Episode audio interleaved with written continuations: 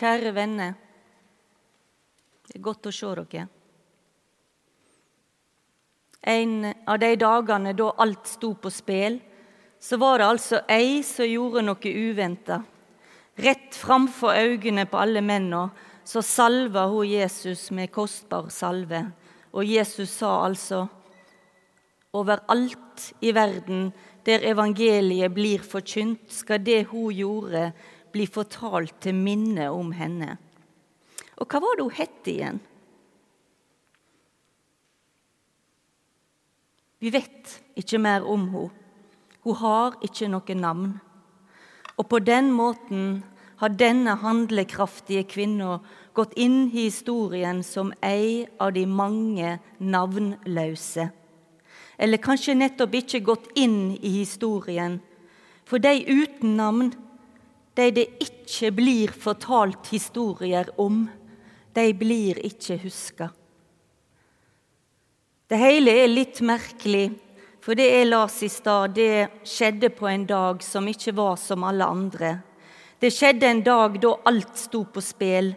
Jesus og disiplene var i livsfare, og Jesus sier at denne kvinna har salva han til gravferda. Likevel så vet vi ikke noe mer om dette kreative og handlekraftige mennesket. Derimot så vet vi navnet til en av de som så på det, og slett ikke synes at det hun gjorde, var noe å rope hurra for. Vi vet til og med hva han sa, og hva han var opptatt av.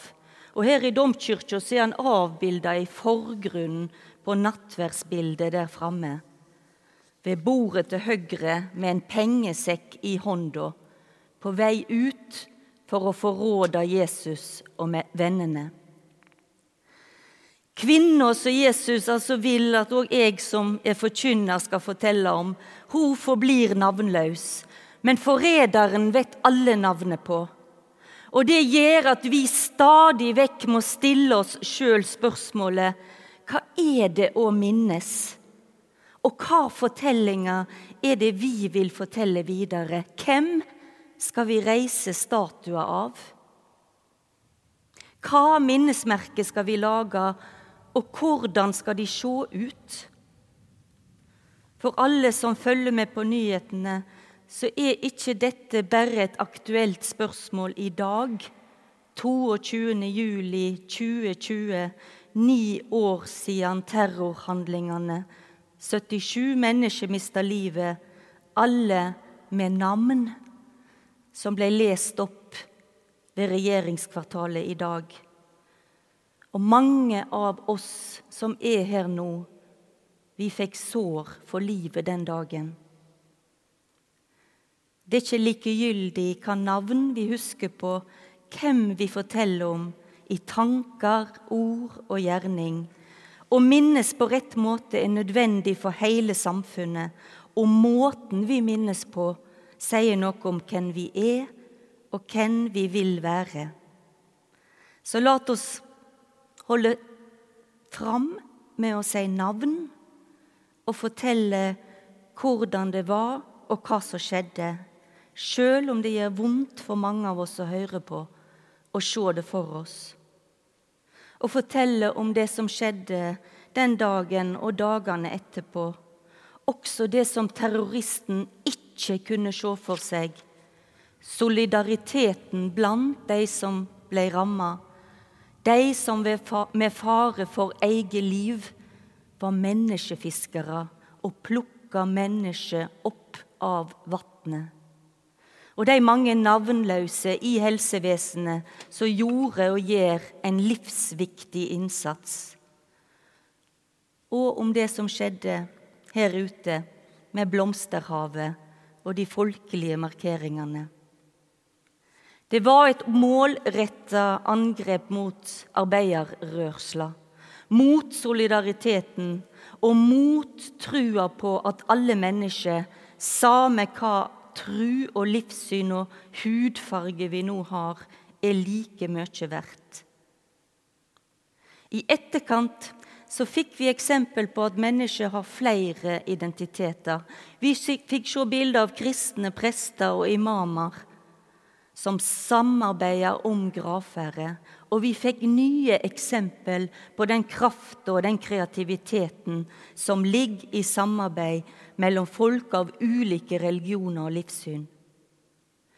Terrorangrepet var også retta mot hjørnesteinen i det norske demokratiet, og det verka som den gangen, gjorde det ikke da, som at det hele samfunnet flokka seg rundt og sa nei, aldri mer. Likevel så har det skjedd nye terrorhandlinger, også her i bispedømmet. Flere av oss drog ut til Bærum i fjor, 10. august. Johanne ble drepen og et uvanlig heltemod hindra at flere mista livet i Al-Noor-moskeen.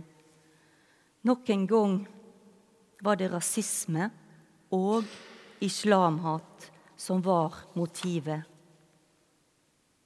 Og vi får stadig meldinger fra skoler og ungdomsmiljø, fra folk som var svært unge den dagen for ni år siden, om at folk blir mobba og utestengt av hudfarge, religion eller seksuell orientering. Det rammer jøder, det rammer muslimer, det rammer alle som ikke ser ut eller oppfører seg som flertallet. Hva gjør vi med det? Det første er kanskje, som jeg snakka om når det gjaldt denne kvinna som salva Jesus, at vi trenger at folk får navn. De er ikke navnløse. Det er ikke jøder, rom eller skeive. Det er Ervin, Elena og Knut. Og så må vi, jeg vil i alle fall, gjøre som Jesus sier, ikke snakke om, sånn Judas gjør, men snakke med. Rundt bordet ei gruppe menn opptatt av å spise og snakke om viktige ting inn ei kvinne som bryter inn i gutteklubben Grei og med egne hender salver Jesus med ei dyr og velduftende salve. Hun skal bli minnes for motet, for kreativiteten og for at hun gjorde noe som var nødvendig. Utfordringa til oss når vi hører om det, da er at vi skal holde fram med å fortelle om sånne fryktløse mennesker som gjør uhørte ting og ved å ha folk som hun som helt, så hedrer vi minnet hennes med å prøve å være sånn, vi også. Nett nå så trengs det kreativitet og fantasi for å vise omsorg rundt bordet uten å klemme på. Kanskje må vi ta litt rundt hverandre. Bare gjøre det hvis dere vil. Hva konkret er det du skal gjøre til minne om? Og det kan ikke jeg svare på her. Fordi det er nettopp tale om noe som vi kanskje ikke kan forestille oss på forhånd. Noe som lar den andre, ikke oss sjøl, skinne, og som peker framover. Men utfordringene er virkelige, og de har fått navn. Vi har på nytt blitt minnet om at det stadig dreier seg om rasisme. Det dreier seg om å ta vare på natur og miljø, og det dreier seg om fredsarbeid. Om kamp for fattigdom og målretta arbeid for alle som er på flukt. Store utfordringer, derfor trenger vi hverandre. Og felles handlinger og fortellinger som vi kan få mot og håp og inspirasjon av. For meg og for mange av oss som er inne i dette rommet i dag, er religiøse handlinger og fortellinger noe som gir mening og inspirasjon og lyst.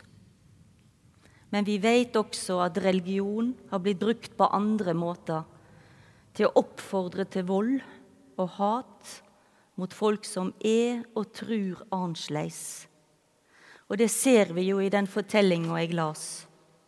Det fins folk som bare tenker på det som gagner de sjølve, på penger og egen vinning, og som gjør bruk av makt og innflytelse for å hindre andre å komme til ords og bli oppfatta som et menneske. Vi vet det. Religionsdialog og felleshandlinger av folk som tror annerledes, er ikke luksus, dersom noen skulle tro det. Det er et vern mot fordommer og hat mot de som tror annerledes eller på noe annet. Så la oss fortsette å dele gaver og fortellinger og kreative handlinger blant folk som er ulike.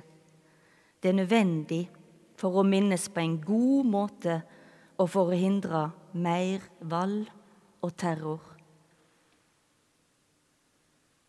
Derfor Merete, Gurmai, Ingrid, Astrid og Shenaid. La oss tenne lys sammen for å minnes og for å se framover.